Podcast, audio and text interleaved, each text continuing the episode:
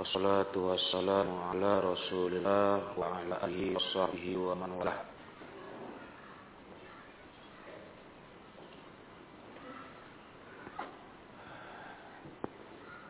Ayat 60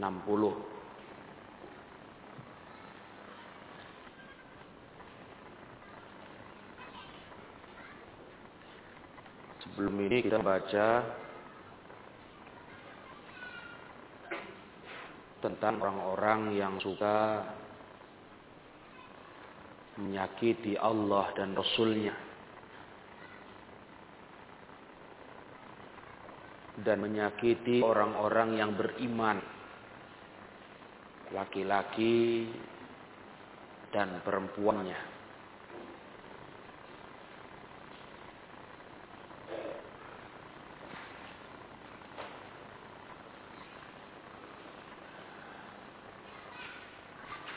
pada asalnya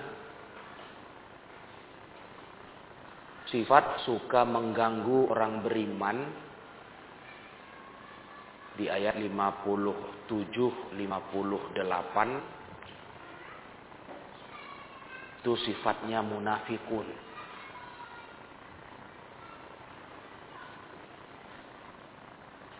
Munafikun juga termasuklah para kafirun musyrikun. Mereka yang suka nyebar cerita, menebar fitnah,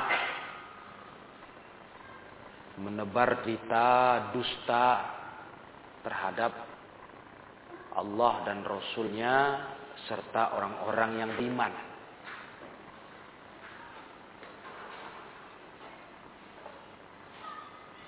Itu mereka.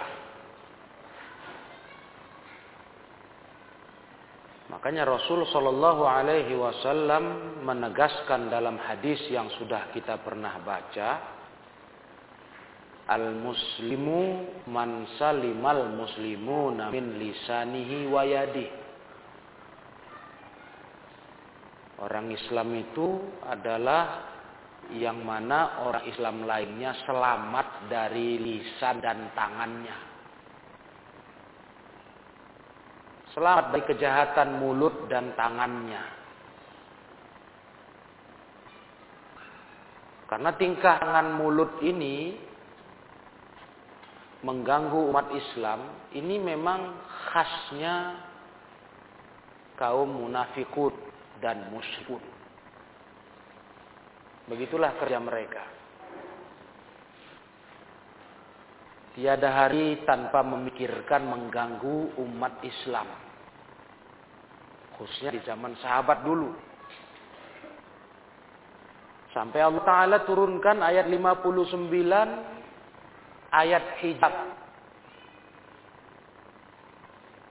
Ayat hijab untuk melindungi para wanita muslimah di zaman Nabi dulu. Yang hukum ini berlaku sampai kiamat. Supaya mereka jangan diganggu. La yu'zaina. Jangan diganggu oleh orang-orang yang di hatinya tertanam penyakit. Ya marot. Penyakit syahwat. Nah, begitu Islam kepada wanita-wanita muslimah dulu. Awal turun ayat ini. Sebab gangguan kepada kaum muslimin begitu hebat. Begitu luar biasa. Khususnya munafikun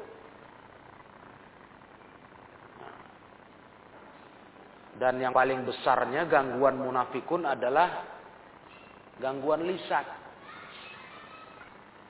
Ya, mencela, mencerca, menghina, menuduh, memfitnah. Tanggung-tanggung, tanggung jahatnya mulut mereka sampai Ummul Mukminin Aisyah pun difitnah. Sampai difitnah dengan hadisul ifki, cerita dusta. Dengan hadisul ifki. Apa cerita dustanya? Ummul Mukminin Aisyah radhiyallahu taala diisukan telah berbuat zina serong dengan seorang sahabat. Inilah tajamnya mulut munafikun. Ahlil fitnah. Ya. Suka mengganggu. Memfitnah kaum muslimin. Nah, makanya kita dalam pelajaran-pelajaran tafsir ini khususnya di surah Al-Ahzab di rangkaian ayat-ayat ini hindarilah bertingkah laku seperti munafik yang gemar suka hobi menebar fitnah menebar cerita dusta atas saudaranya sesama muslim Ya. Karena itu tingkah munafik. Masa kalian mau jadi munafikun dalam tingkah mulut? Enggak selamat orang lain dari mulutnya. Nah, inilah bahaya mulut yang tajam ini. Enggak selamat.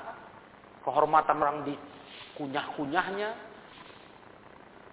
Baik orang dikoyak-koyaknya. Ngeri, mulutnya ngeri. Nah, ini mulut munafik. Emdo? Nah, dia muslim, muslimah, tapi mulutnya mulut munafik. Itulah munafik kata Madinah. Gak tenang kaum muslimin di bad mereka. Nah, itu makanya jangan tinggalan itu ya. Hobi, mojok, bisik-bisik, cerita orang Islam. Itu munafik dulu. Ada dapat isu berita burung sebar. Oh, ngeri kali. Apa bisa di di apa kata orang? Istilah orang bahasa sekarang. Hah? Bisa digoreng ceritanya. Nah, istilah orang digoreng. Iya. Betul-betul mulut munafik.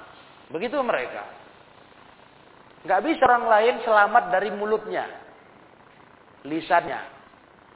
Nah, maka kita dididik dalam Islam. Dalam akhlak karimah. Mulut itu jaga.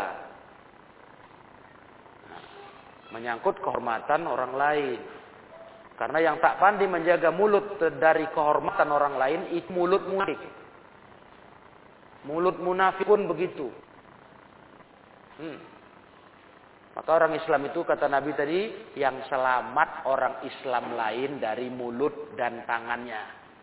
Nah, kalau tangan mungkin daya rusaknya nggak sengeri mulut, apalagi tangan nggak sering dipakai untuk ngerusak sesekali. Tapi kalau mulut ah nggak berhenti berhenti. Nah, jadi kalau kalian mau selamat, tinggalkan itu. Malah kalau ada kawan mulutnya nggak bisa dijaga orang lain, jauhi. Itu mulut munafik, jauhi. Emtum. Tahu sepekawan orang kayak gitu. Mulut munafik itu jauhi. Nular ke kalian nanti. Yang bikin orang Islam lain gak selamat dari mulutnya. Padahal namanya kita buat zolim dalam hal mulut terhadap kehormatan orang lain. Itu bagaimana? Yang sudah kita belajar terakhir kemarin. Itu kalau nggak selesai di dunia di akhirat. Nggak selesai urusan kau memfitnah, menuduh, mencela, menjelekkan saudaramu dengan mulut kotormu itu nggak selesai sampai akhirat. Di akhirat kau bayar pakai pahala kalau ada, kalau cukup, kalau nggak cukup dosa dia ditanggungkan kepadamu. Jangan main-main ini bangkrut nanti. Ini mau menasihatkan sama kalian. Mau selamat mulut. Nah, selain dari dirimu dimulai, awas rusak di kawanmu yang mulutnya mulut munafik. Ori hobi munafik kayak gitulah. Yu'zunal mu'minin. Yu'zunallah wa rasulah. Menyakiti Allah dan Rasulnya menyakiti orang beriman. Menuduh bi ghairi maktasabu. Menuduh buat cerita yang mereka nggak pernah buat. Nah, nih, ini ngerinya mulut munafik. Dah paham ini?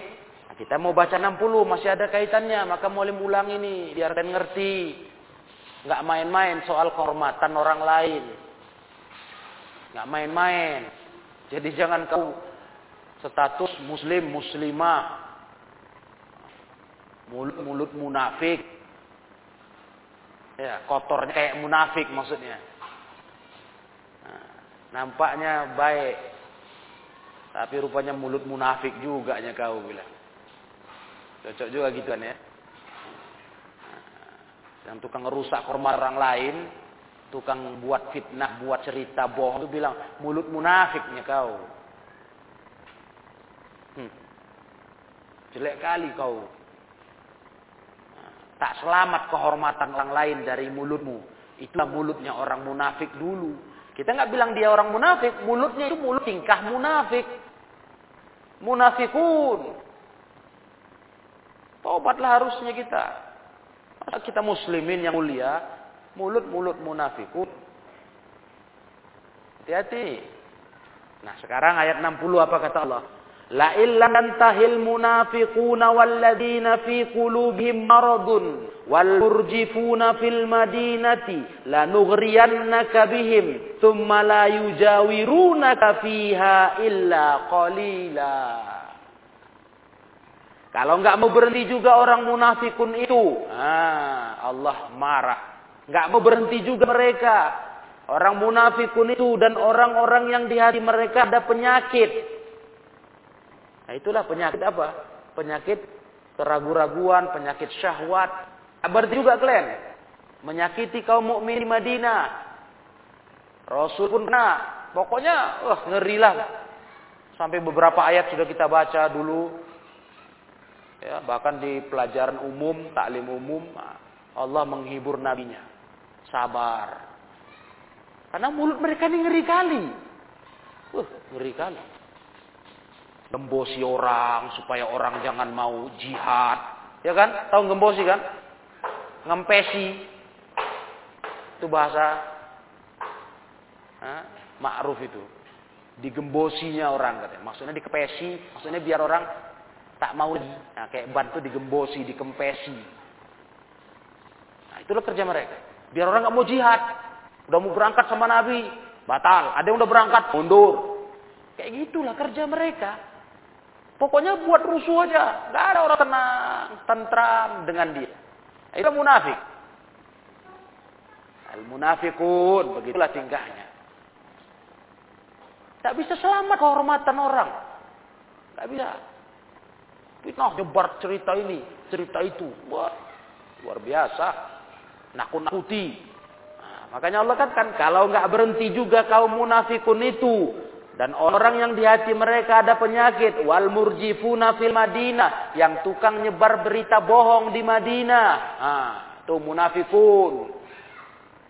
Ya tulab al-ilm. Ya talabat al-ilm.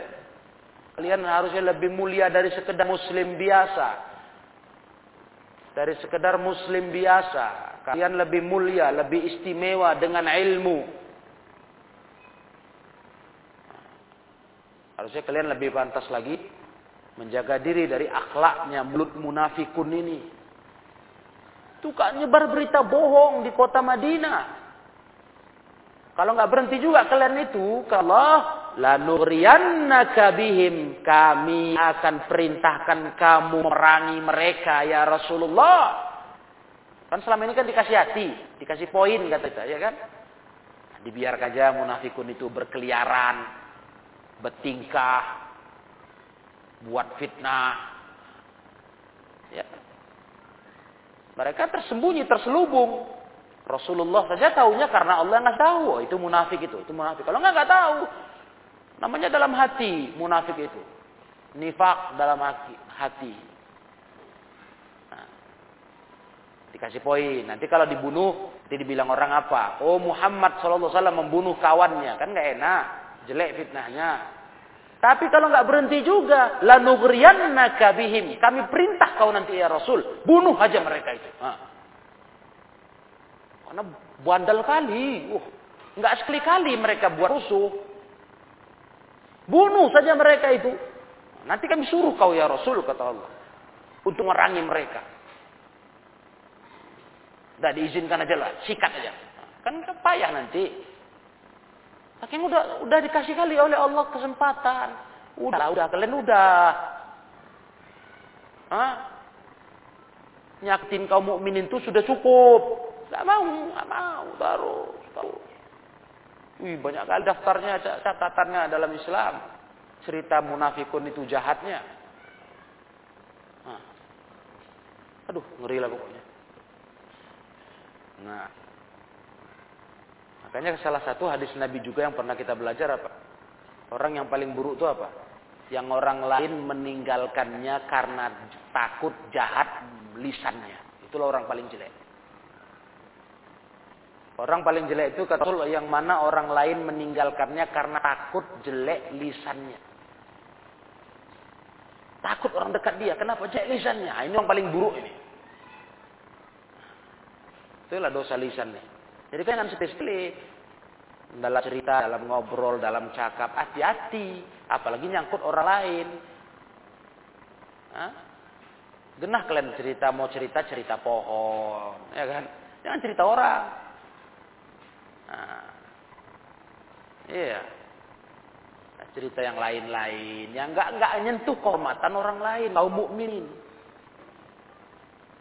Nah, ini cerita si fulan, si alam, wah, wah, begini, begitu, wah, wah. Ya kalau betul, kalau betul pun kau sudah fa'in, fa'in naka tahu, kau sudah ribahi dia. Kalau salah, oh tambah dua, ribah, fitnah. Itulah mulut munafik.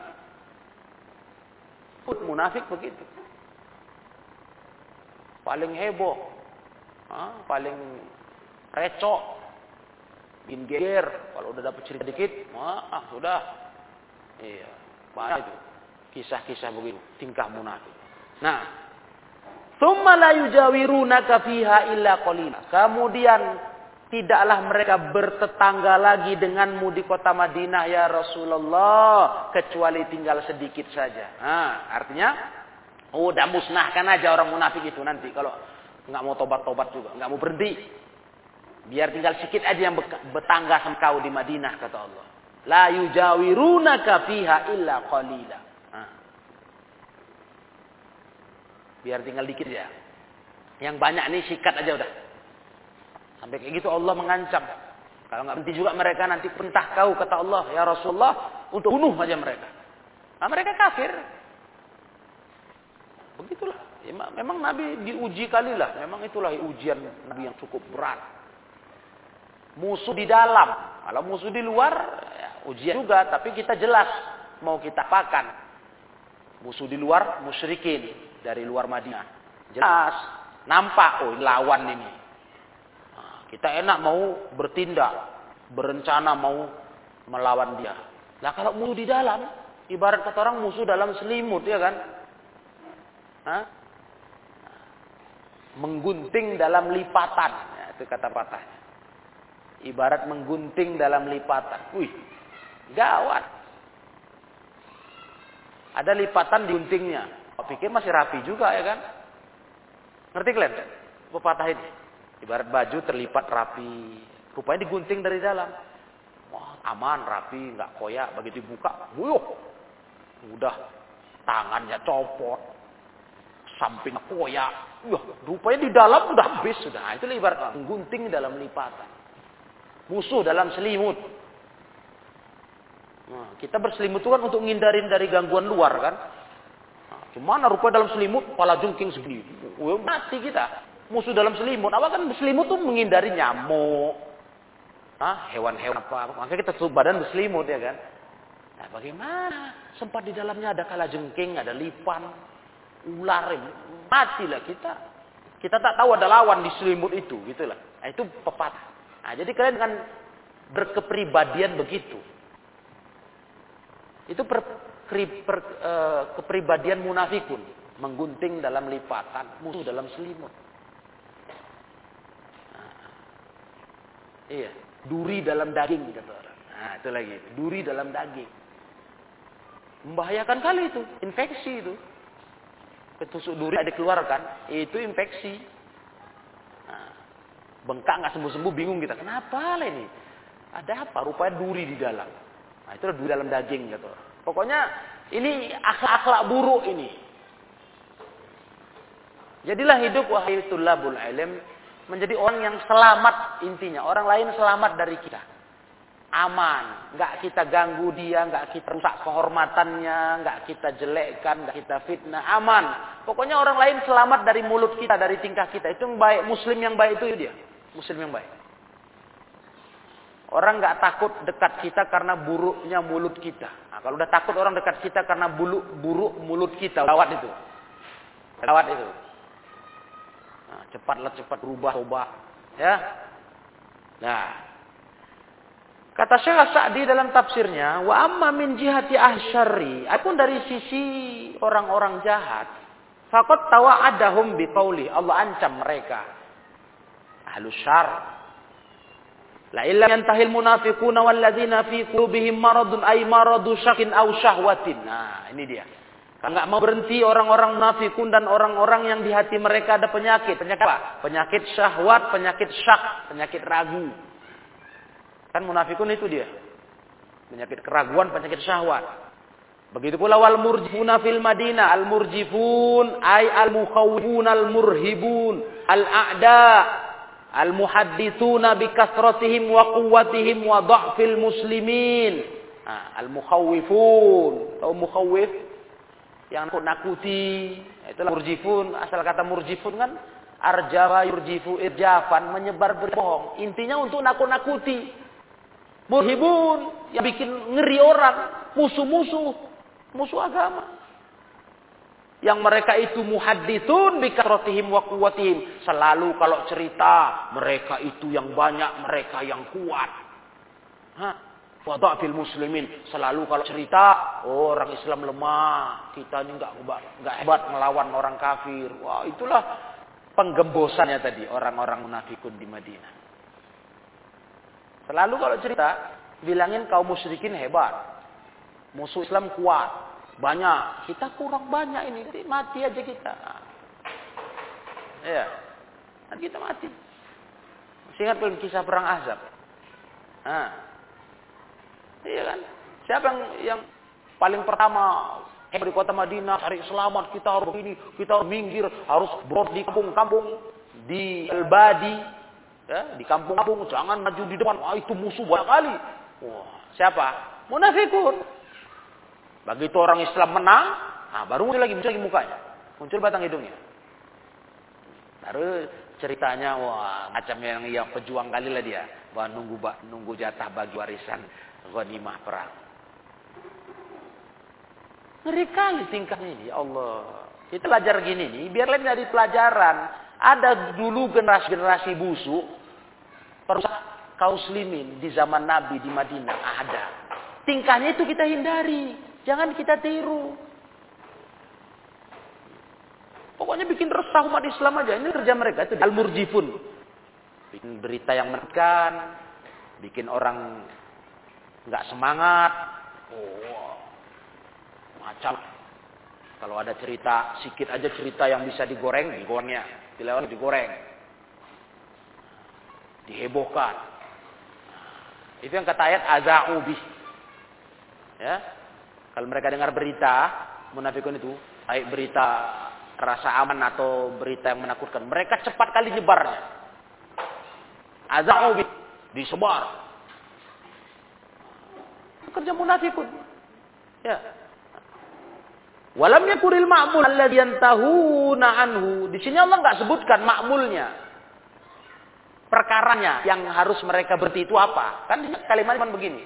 Kalau nggak mau berhenti, apanya? Berhenti dari mana? Dari apa? Allah nggak sebutkan di ayat ini. Perhatikan baik kalian.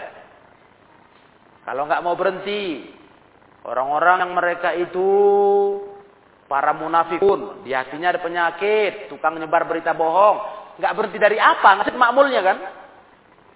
Kenapa nggak disebut? Nah, dia ummazalik biar itu lebih umum sifatnya. Jadi nggak satu kasus mereka berhenti dari yang jelek. Lebih banyak, lebih umum. Kullu ma anfusuhum ilaihim. Semua yang jiwa mereka diarahkan kepada itu. Tuhi, katanya diwahyukannya, dibisikkan, diarahkan kepada itu, kepada yang buruk itu. Waktu waswisu bihi dan hati mereka berwaswas, artinya tuwaswis ada getaran, ada bisikan. Wa tad'u ilaihi minasyarri dan yang diajak kepada keburukan di dalam jiwa mereka. Nah, semuanya dilarang, berhenti. Enggak disebut satu kasus. Maksudnya berhenti dari um, fitnah, enggak hanya itu, semua. Nah, pokoknya berhenti kalian buatlah di Madinah. Hei munafikun. Hei orang-orang yang hatinya penyakit, berpenyakit. Nah, di sini dicontohkan. Minat ta'rid bisa Islamu ahli. Nah, ini dia. Nah, berupa perkara mencela Islam dan ahli Islam. Minat ta'rid bisa bil Islam wa ahli. Wal irjaf bil muslimin. Nah, ini irjaf. Buat cerita bohong terhadap umat Islam. Wa tauhin kuwahum melemahkan kekuatan umat Islam. Ini semua semua dilarang ini. Berhentilah kalian kata Allah. Berhentilah mereka itu. Wa ta'arud lil mu'minat bisu wal fahisah. Nah, ini lagi membuat cerita yang keji-keji terhadap yang buruk-buruk terhadap kaum mukminat. Nah, buat cerita dusta, cerita keji, fitnah, nah, cerita yang buruk-buruk lah tentang wanita muslimah, istri-istri Nabi dan para sahabat. Begitu. Berhentilah dari semua itu mereka wa ghairi dzalik minal ma'asis sharira dan selain itu dari maksiat yang muncul min am, min amsali haula dari orang-orang sepisah mereka. Berhentilah mereka. Pokoknya semua yang buruk itu berhenti dah. Itu mau Allah. Cukup dibiarkan, dicukup dikasih poin. Dikasih hati kata kita ya kan. Dikasih hati minta jantung minta paru. Itu kan bahasa udah dikasih hati kau, udahlah. Jangan ngelunjak kata orang. Pernah dengar istilah itu? Jangan ngelunjak kau. Udah dikasih hati itu udah cukup. Tapi begitulah munafik. Namanya hati ini benci Islam. Maklumlah kalian. Hatinya benci Islam. Munafikun itu di hatinya Islam enggak? Hah? Islam nggak munafikun itu di hatinya? Tidak, kafir. Makanya nggak mau dia diem, nggak mau dia berhenti, terus saja. Dia benci Islam, benci Rasulullah dan sahabat, benci. Kan pura-pura Islam, pura-pura cinta, pura-pura sayang. Nah, itu. Jadi gelisah. Nggak mau tenang. Nengok umat Islam itu tentram, nyaman. Allah tegurin. Jangan mereka begitu. Berhentilah mereka itu, kata Allah Ta'ala. Iya. Karena kalau nggak berhenti apa yang Allah, Allah ancamkan? Lanugriyannaka bihim. Aina muruka biukubatihim wa qitalihim. Karena kami, karena kami akan perintah engkau, kata Allah, dengan menghukum mereka, memerangi mereka, wa nusallituka alaihim. Dan kami akan memberikan kepadamu kekuasaan untuk menghadapi mereka. Akan berikan kuasa untuk Allah bilang begitu. Artinya berhenti juga mereka. Baru nanti kami izinkanlah kau perangi aja mereka. Habisi aja loh. Bandal kali kan gitu. Gerem juga kan. kan. Rasul udah coba betul kesabarannya nengok orang munafikun itu. Wah, tak apa-apa aja. Di Quran banyak itu kalian kalau masih ingat. Di ayat Quran yang kita bahasa, pelajari tafsir-tafsir ini. Banyak kali tingkah munafikun itu. Bahkan di surah Al-Baqarah. Awal surat Al-Baqarah ingat kalian tentang orang munafikun itu. Ya. Kalau kumpul sama Nabi, oh kami bersamamu. Kalau kumpul sama musyrik, kami bersama kalian. Iya. Kemudian merancang makar, Wah, luar biasa. Ngeri. Banyak sekali tingkah mereka. Ma'idha fa'alna dalik. Kemudian kalau kami lakukan itu, izin untuk Nabi memerangi mereka, membunuh mereka. Kalau kami izinkan itu, la taqatalahum bika. Mereka enggak punya kuasa menghadapimu hai Nabi Muhammad wasallam. Iya. Apalagi cuma munafikun berapa ekornya cuma mereka ya kan. Sampai istilahnya kan begitu menyepelekan banyaknya mereka, jumlah mereka. Berapa ekornya di kota Madinah? Musyrikin gabungan, tumbang sama kaum muslimin, kalah. Apalagi berapa ekor mereka. Gak sanggup tuh menghadapi engkau kata Allah Ta'ala. Walaysa kuwah walam tina. Mereka punya kekuatan. Gak punya kemampuan menghindar. Kalau Nabi sudah diperintah Allah perang. Habislah mereka. Kan itu. Sanggup mereka menghadapi Rasul dan sahabatnya. Walihada qala thumma la yujawirunaka fiha illa qalila. Kemudian mereka ala yujawirunaka fil Madinah illa qalila. Kalau sudah diperintah diperangi, akhirnya apa? Mereka tidak lagi bisa bertetangga dengan engkau di kota Madinah kecuali tinggal sedikit aja yang bisa bertangga nanti. Yang lainnya pada dibunuhi, diperangi. Ya gitu mereka. Kurang tahu diri ya. Dikiranya Rasul diam-diam. Rasul enggak enggak memantau, enggak tahu. Allah Rasulullah kan kasih tahu Allah. Tunafikun, nafikun. Tahu Rasulullah dari wahyu. Mereka mengira Rasul nggak sadar, nggak paham. Sepak terjang mereka mengganggu umat Islam. Nah, diantak kam autan fihim. Nah, dah kalau udah kau kau buat begitu ya Rasulullah, mereka nggak bisa banyak lagi bertetangga denganmu. Dengan cara kau bunuh mereka atau kau singkirkan mereka, kau musnahkan aja mereka. Nah, kan begitu. Kalau sudah datang perintah ini, habislah kalau turun perintah waktu itu, mereka nggak juga berhenti, habislah mereka. Nggak ada bisa tinggal lagi di Madinah. Disapu bersih oleh Rasulullah. Wahada fi dalil di sini ada dalil li ahli syar untuk menyingkirkan orang-orang jahat. Nah, itu dia. Memang ada masanya ya. Ya tulabul ilm, ada masanya. Ada saatnya orang-orang jahat yang terus bertingkah untuk disingkirkan, dicampakkan. Nah, mengambil dari pelajaran sir ini, kejadian di zaman Nabi Munafikun, ahli syarq. Iya. Atau bilang istilah kita dulu. Istilah kemarin kajian pelajaran yang lalu. Ya kalau bisa dibina dibina. Udah nggak bisa lagi dibinasakan mesti ada begitu. Ya mesti ada. Nah itu dia. Lihat faedahnya. Wa fi hadza wa hadza fihi dalilun li nafi ahli syarr alladzina yatadarr bi iqamatihim baina adhuril muslimin yang membahayakan bahaya iqamatihim adanya mereka di tengah-tengah umat Islam. Nah, ada masanya memang harus disingkirkan. Ya tentu kalau itu menyangkut masyarakat luas, penguasa punya hak. Ya, masyarakat ramai. Gak bisa lagi dibina. Cuma lagi kasih poin diharapkan berubah nggak juga nggak ada nggak ada perubahan nah nggak ada pertanda menuju kebaikan jadi memang begitulah Islam ibaratnya kalau udah busuk ranting dalam pohon itu itu harus ditebang dipotong dikorbankan daripada rusak semua betul Nah, kalau kita istilahnya tubuh harus diamputasi. Tahu amputasi? Tahu? Hah?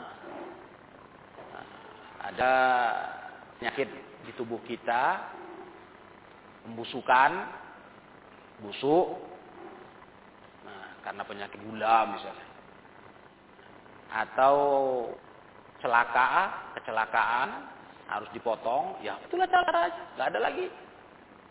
Nah, ada saatnya begitu.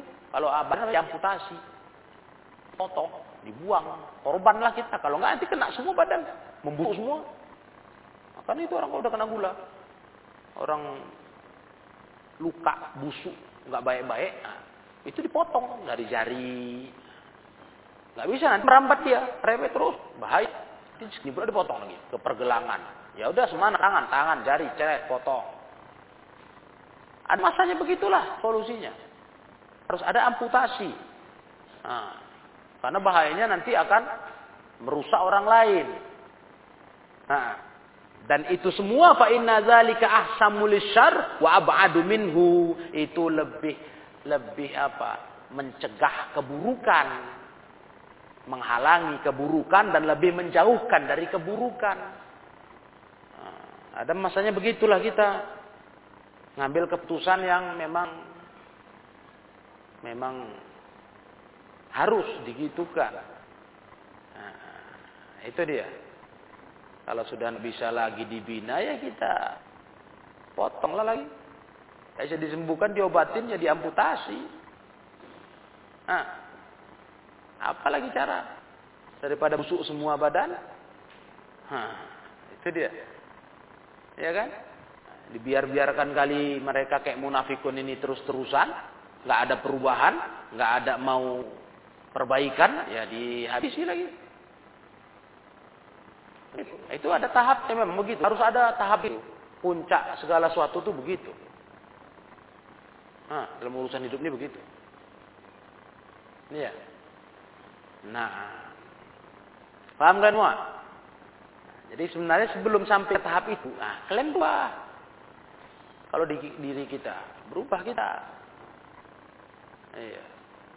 Jangan sampai jadi status kayak gitu. Nah, itulah kalau di orang luar, kita udah dinilai apa? Kalau kita nggak beres, bandal, bandit, dibilang orang sampah masyarakat. Sampah itu diapakan? Hah? Tiap hari ngurus sampah kan? Ikhwan akhwat ngurus sampah tiap hari. Sampah itu diapakan? Dicampakkan. Jangan lembut lagi dibuang, dicampakkan. Udah sampah kau belum campakkan kau lagi. Karena kalian belum belum tengok jadi sampah masih belum jadi sampah makanya malim masih urus kalian. Masih dijaga supaya jadi yang berbeda kalau nggak dicampakkan lagi lah mana bisa lagi? Ya buang dia. Itu masyarakat bilang ah, kau kayak sampah masyarakat kok. Berarti udah payah tuh bilang sampah masyarakat. Udah nggak ada gunanya. Yang ada diantar ke lapangan dibakar. Iya. Nah begitulah hidup jadi kembali ke diri kita masing-masing sekarang. Mau jadi orang yang berfaedah, orang yang berguna, orang yang berakhlak, tahu dari segala tingkah laku yang buruk, dari segala tingkah laku yang jelek, mau jadi orang soleh, ya berubahlah. Iya. Bagaimana tujuan kita ber, berpendidikan di sini? Nah, kita datang kemari, kita duduk di sini, Kalian mendaftar di sini untuk belajar, mau tahu agama, ilmu, mau berlatih diri di lingkungan baik, akhlak yang baik, begitu. Nah, karena bahaya kali kalau nggak biasakan dari sekarang akhlak baik itu, dia akan terus panjang ceritanya. Kayak ibarat penyakit dipupuk. Makanya kita harus mengobati penyakit, menumbuhkan yang sehat dalam diri kita. Akhlak kita kita bina dengan lingkungan baik, dengan ilmu yang baik, ilmu salafus salih. Ya, boleh ulang lagi. Kita semua tetap dengan satu niatan. Duduk di sini, belajar di sini untuk mendapat ilmu yang baik. Merubah diri. Nah, karena nggak bisa kalau nggak dengan ilmu, dengan pendidikan. Nggak bisa. Yang ada kerusakan aja timbul kalau kalian tak belajar agama. Lingkungan pun faktor penentu. Ya, faktor penentu. Taib. Nah, wayakunun akhirnya mereka apa? Ayat berikutnya, mal'unina aynama suqifu ukhidhu wa kutilu taktila. Itulah kalau udah nggak berubah. Mereka akan jadi orang-orang yang dilaknat. Ya. Ay mubadin aina wujidu la yahsulu lahum amnun wa la yakru lahum qararun yakhshawna ayyuqtalu au yuhbasu au yu'aqabu mereka akan jadi orang-orang yang dijauhkan dari rahmat Allah Dijauhkan di mana pun mereka berada. Mereka nggak merasakan keamanan, nggak merasakan ketentraman. La yakirru lahum koror. Yakshauna mereka ketakutan. Ayuk talu. Takut dibunuh. Yuh basu. Ditangkap. Yu'akobu dihukum. Nah itulah kalau udah udah marah Rasul waktu itu. Nah, yang ada mereka dikejar nanti, dicari. Ketakutan mereka. Ya kan? Udah perintah turun dari Rasul. Tangkap. Bulan, bulan, bulan, bulan. Datarnya ini. Eh, udah. Iya. Kayak jadi bandit ya kan. Apa? Pelaku kejahatan. Pelaku kriminal yang diuber polisi. Nah gitu nanti jadi mereka. Makanya Rasulullah Alhamdulillah. Sampai beliau meninggal. Belum diperintah Allah untuk buat itu. Sehingga ketika beliau meninggal, beliau meninggalkan catatan nama aja. Nama munafik kota Madinah, tulis. Nah, dicatat sahabat, disimpan. Siapa sahabatnya? Hah? Hah? Huzaifah ibnul Yaman. Rahasia Rasul simpan. Oh pegang di catatannya. Supaya sekedar tahu karena Rasul meninggal, mau mati. Jadi kau simpan ini. Waspadai orang-orang namanya ini ini ini. Masya Allah. Sampai Umar ketakutan, gelisah. Tahu itu. Wah, apa yang Umar takutkan? Umar takut namanya ada di situ. Masya Allah. Sahabat beliau Umar takut. Datang beliau ke Hudzaifah. Ya Hudzaifah, aku mau tanya. Itu catatan rahasia yang kau simpan tuh ada nama aku enggak? Hudzaifah malah tahu. Ha ya Umar, orang sepertimu. Khawatir namanya ada di situ, ya nggak mungkin ada. Nah, itulah takutnya Umar bin Khattab. Karena sangat rahasia. Munafikun rahasia. Allah Allah kasih tahu ke Rasul saja. Sahabat nggak bisa tunduk. Ini munafik nggak bisa karena ini urusan di hati. Kayaknya sampai sekarang kita dalam pelajaran akidah nggak boleh kalau menggelari orang munafik dalam arti kata nifak iktikodi nggak boleh ngerti ngerti kan nah, itu yang tahu Allah kalau kita bilang orang ini munafik ciri-ciri menifak amali yang ada boleh tukang bohong, tukang ingkar janji, khianat gitu kan. Nah, termasuk inilah tadi, tingkah munafik ya. Nah, mulutnya kotor, mulutnya jahat, merusak orang lain. Tapi kalau kita bilang kau munafik yang sebetul munafik kau, jangan, nggak boleh. Yang tahu isi hatinya Allah. Nggak boleh itu. Sama kayak kalian mengkafirkan dia, kafir kau sama. Bahaya itu. Nah, jadi begitu akidah halus sunnah. Alhamdulillah Rasul nggak sampai diperintah Allah. Kalau nggak mereka nggak akan pernah tenang hidupnya, nggak berasa aman, takut takut terus dibunuh, ditangkap, dihukum, ah, bakalan jadi orang pelarian mereka ya kan. Tapi nggak terjadi itu sampai Rasulullah Sallallahu Alaihi Wasallam wafat.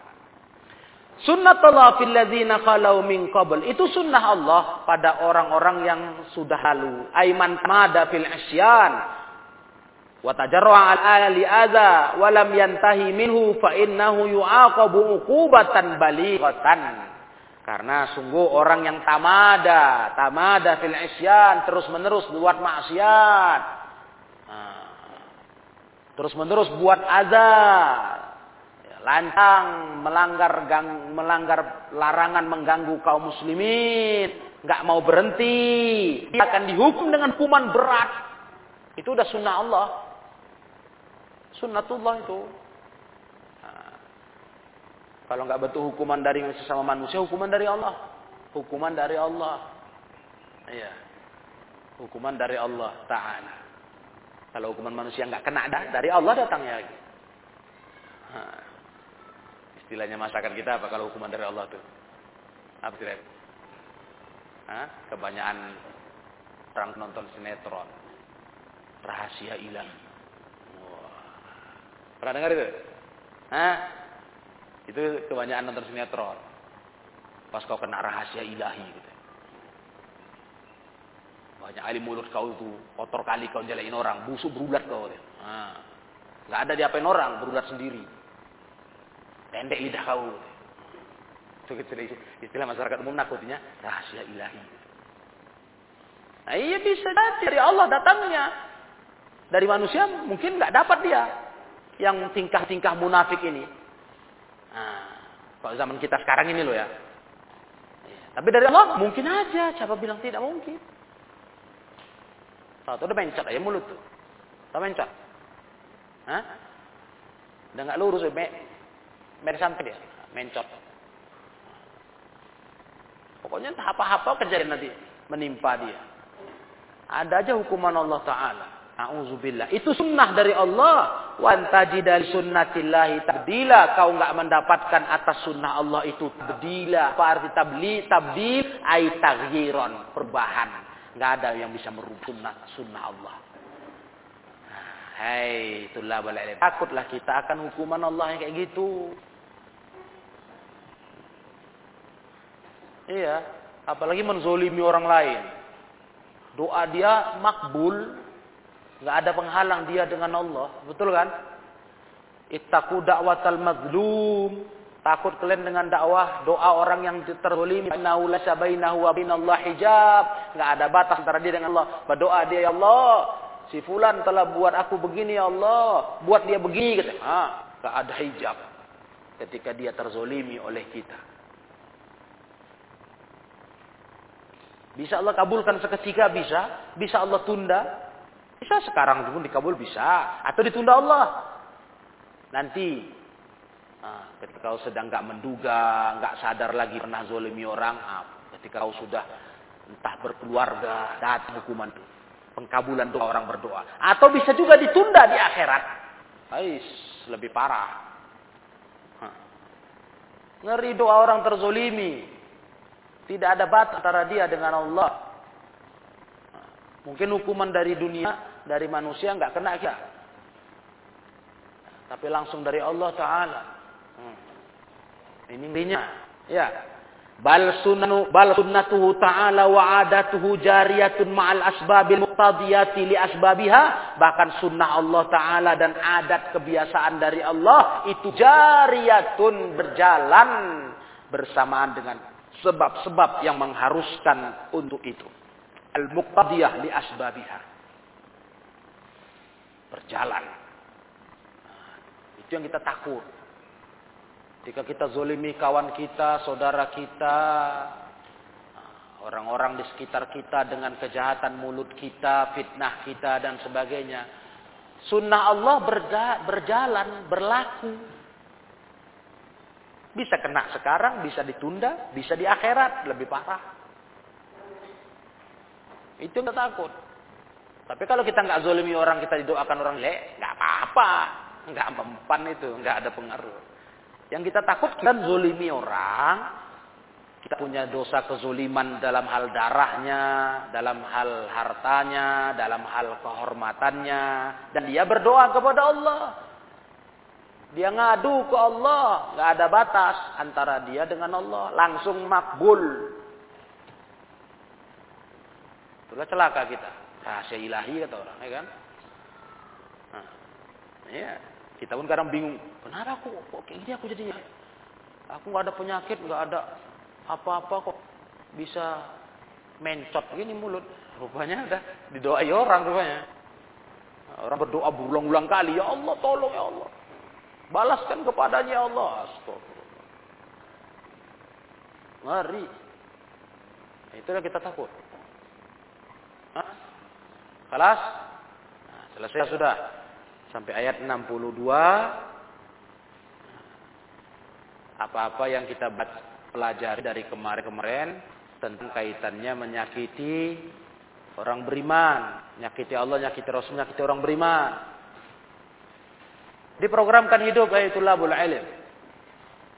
Programkan hidup bagaimana orang lain selamat dari mulut kita. Programkan hidup.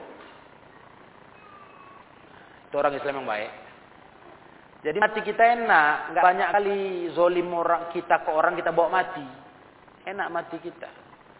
Kalau urusan kita sama Allah, dosa-dosa sama Allah, bisa jadi Allah ampunan, mudah-mudahan. Kalau itu nggak ada masalah tuh, artinya tahtal masyiah. Tapi kalau dengan hamba nggak bisa tahtal masyiah. Nah, Allah nggak mau ngampunkan dosa kita kalau menyangkut hak hamba hubungan dengan hamba. Nah, mau Allah. Nggak bisa, itu harus selesaikan kita dengan dia. Persidangan nanti di akhirat. Ngerti semua nih? Biar enak hidup kalian. Nyaman. Orang kalau hidup nyaman, nggak nganggu orang lain. Enak, Masya Allah. Tentram, tentram. Sedap. Damai, kata orang. Damai. Yang paling pasti kita berharap damai di akhirat. Di dunia pun terasa damainya. Kalau kita nggak nggak banyak mulut, kata orang. Mulutmu harimaumu. Alhamdulillah enak hidup. Saya kalau ada banyak mulut begini begitu, wow wow wow wow. wow. Apalagi salah satunya yang perlu kalian waspadai itulah medsos-medsos tuh. Nah, banyak mulut sos. Hmm. Cuman di medsos nggak pakai mulut, kayak jari. Ya kan? Pakai suara kan? Hah? Komen-komen. Nah, ini hati-hati ini. Entah malah pun heran kadang. Kalau dipikir faedahnya apa ya? Nah, tren aja nih itu tren zaman sekarang orang bermedsos. Kalau kita pikir dengan tenang-tenang otak kita, apa gunanya? Tapi kalau kalian tadi mungkin baca-baca, masih ada gunanya. Bacaan yang jelas baik ya, sumber dari sumber yang benar. Masih ada faedahnya, bisalah memanfaatkannya. Tapi kalau udah cerita-cerita, komen-komen ini itu, apa gunanya? Nah, itulah sekarang zaman kita. Nyindir-nyindir orang, nyinggung-nyinggung orang. Apa gunanya? Apalagi fitnah-fitnah. Tapi kalau manusia pun berakal lama-lama. Kurang mikir. Kalau berbuat dipikir dulu. Ini betul nggak? Salah nggak? Bahaya nggak? Ngerusak orang nggak? Gitulah orang berakal. Nah, lisannya di belakang akal, akal di depan. Nah, gitu. Nah, cuman sekarang zaman sekarang pakai jari, nggak pakai lisan. Nah, jarinya di belakang akalnya. Mikir dulu baru berbuat, baru ngetik. Jelas? Baik. Ilahuna wallahu alam bissawab. Nah, sebelum mulim tutup, satu mulim ingatkan, mulim sorot ini. Kita datang ke masjid, sholat, itu kita pakai yang terbaik. Itu perintah Allah, bukan peraturan pondok kalian. Khuzu zinatakum inda kulli masjid. Ambil perhiasan kalian di setiap masjid. Berpakaianlah yang paling terbaik. Salah satu pakaian terbaik itu adalah lengkap. Pakai bajunya, celananya, dan baju celana di sini tentu yang tak membentuk aurat. Nah, kan peran dari sini kalau kamu kebetulan ini kebet, perhatikan, perhatikan bahasa malam ya. Tahun depan mau sudah tegakkan larangan tahun ajaran baru. Nah, tahun ajaran baru nanti mau pulang liburan hari raya, santri dengar ke meja bawa pulang. Seragam pondok gamis paling pendek selutut. Kemeja bawa pulang. Tidak boleh melarang. Sampai tahun ajaran baru depan. Jadi kalaupun sekarang kalian pakai itu itu karena gamis lagi kotor aja. Lagi nggak ada bukan baju. Baju biasa kalian boleh pakai itu. Jadi kalau mau bersarung paling pendek gamis selutut. Bersarung lah. Kalau pakai kemeja nah kalau udah baju itu ya simpan di rumah mulai liburan bulan tahun depan. Masuk baru kemari, baju serem pondok tiga mis. Gamis paling pendek sampai lutut, baru pakai sarung dilapis. Dah, bukan nggak boleh sarung, besar lah. Nah, itulah setelannya. Kalau kemeja, mau melarang. Ya kan kemeja dipakai karena mungkin hujan-hujan, gamis gak kering, bolehlah. Sekarang aja, Nah, Ya udah. Nah satu lagi setelan kita masjid itu pakai lobe. Ini boleh perhatikan berapa kali ya sampai ada dua orang boleh tegur khusus sudah. Sholat nggak berlobe.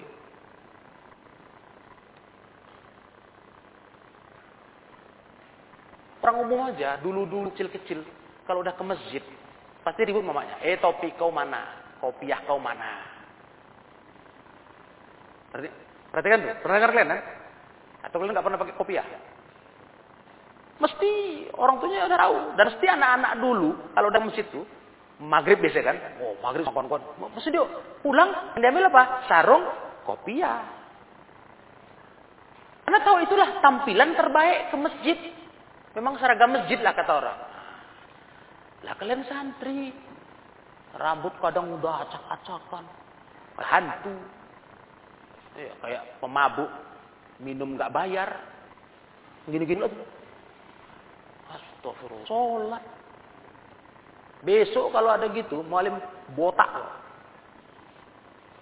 Hmm. Coba lah ya. Setelah peringatan ini ada nggak pakai lobby, sholat, siap sholat mulai tarik, mualim gundul. Jangan kejadian itu. Masuk masjid pakai lobby. Kalau di masjid itu itu peraturan. Zina takum itu agama bukan peraturan pesantren. Pakai yang terbaik kalian, gak usah ditiru gaya-gaya orang. Orang Arab tuh begitu, jubah baju baju ada. Nah, kalian tengoklah kalau mereka nah, pakai lobi, pakai jubah mobil. Kira-kira keren, gaya. Apa itu? Kan mungkin ada niru itu. Ah, aku masih berjubah, tapi tak lobi. Enggak, tak lebih ganteng lah kalian. Kalian, kalian enggak berlobi itu kalian. Perasaan kalian aja ditipu setan yang kan. Wis ganteng kali apa tak berlobi. Enggak ganteng paling Allah. Karena muka kalian ganteng. Kok tadi kan orang barat. Nah, betul. Mukanya memang kan. Lah muka kita, jangan lah kita lah. Enggak ganteng-ganteng kali, makin buruk, makin hmm. Makin enak, enak. Cuman kita kayak gitulah. Nah, karena masa kalian itu masa berin. Perasaan awak paling ganteng lah sudah. Kaca. Iyalah. Pokoknya rasanya orang kita kayak tertarik aja lah semua orang. Padahal enak orang. Ngerti kan? Adapun kalau di luar, di luar kalian di luar rumah, walaupun cuma nasihat aja. Kalau di luar tuh kalian lagi lah. Di luar pondok itu yang terbaik, dak busalah. Nah, memang bukan bukan merupakan kayak masjid, memang udah zina.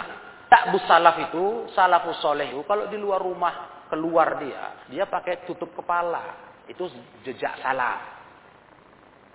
Bukan keharusan kewajiban. Bukan. Tapi itulah salah. Dan itu kan tentu lebih baik. Pandangan mata pun lebih baik. Lebih sopan dia. Nampak lebih, lebih rapi, sopan. Nah. Memang bukan merupakan sunnah, bukan. Tapi kan lebih enak tengok, lebih nyaman.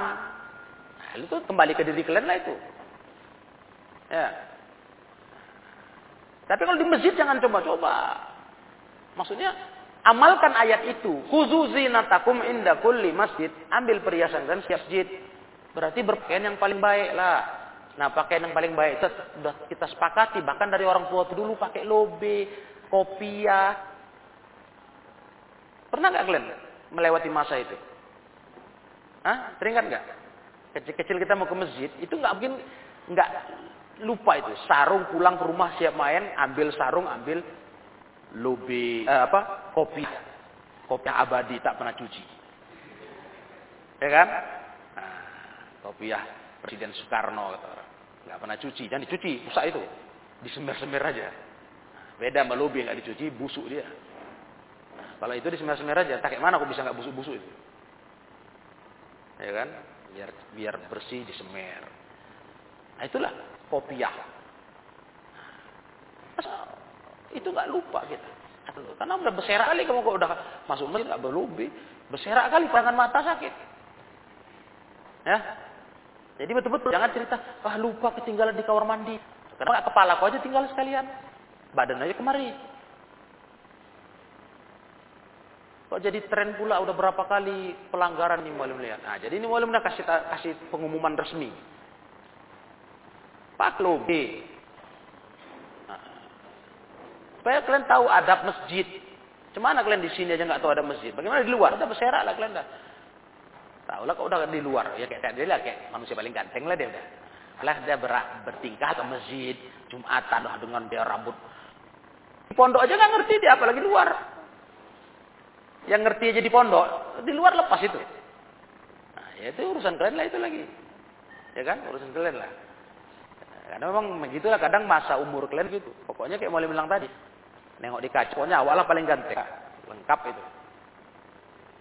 Ya, awalnya paling keren. Cuman itulah tadi, adab zid jaga. Nah, paling enggak kalian pondok ini jagalah itu supaya bisa terbiasa di tempat lain. Di mana orang masuk ya, malam tengok ya. Kecuali orang yang memang udah nggak awam kali lah. Rata-rata orang begitu. Masuk masjid umum kita sholat, mesti mereka siapkan sarung di tas, ada lobby. Nah, nanti siap sholat dibukanya lagi, dia mau kerja ke kantor ya. Orang udah tahu setelannya di mana ke sholat masuk masjid itu. Nah, tahu orang setelannya. Karena ada kalimat tentang ayat khuzuzi natakum ambil perhiasan kalian. Tas bisa didengar ya? Supaya jangan jadian nanti sepele masalah ini. Nanti mau terapkan hukuman itu. Iya. Jadi jaga itu. Datang ke masjid, masuk masjid, pakai lobby yang rapi. Datang nggak masuk situ, saya udah dapat. Kelas? Nah, supaya jangan nampak lagi, jangan kejadian lagi. Ya, supaya kalian terjaga, terbiasa dengan adab yang baik. Nah, wallahu alam, subhanakallahumma wa bihamdik, asyhadu alla ilaha illa anta, astaghfiruka wa atubu ilaik, walhamdulillahi rabbil alamin.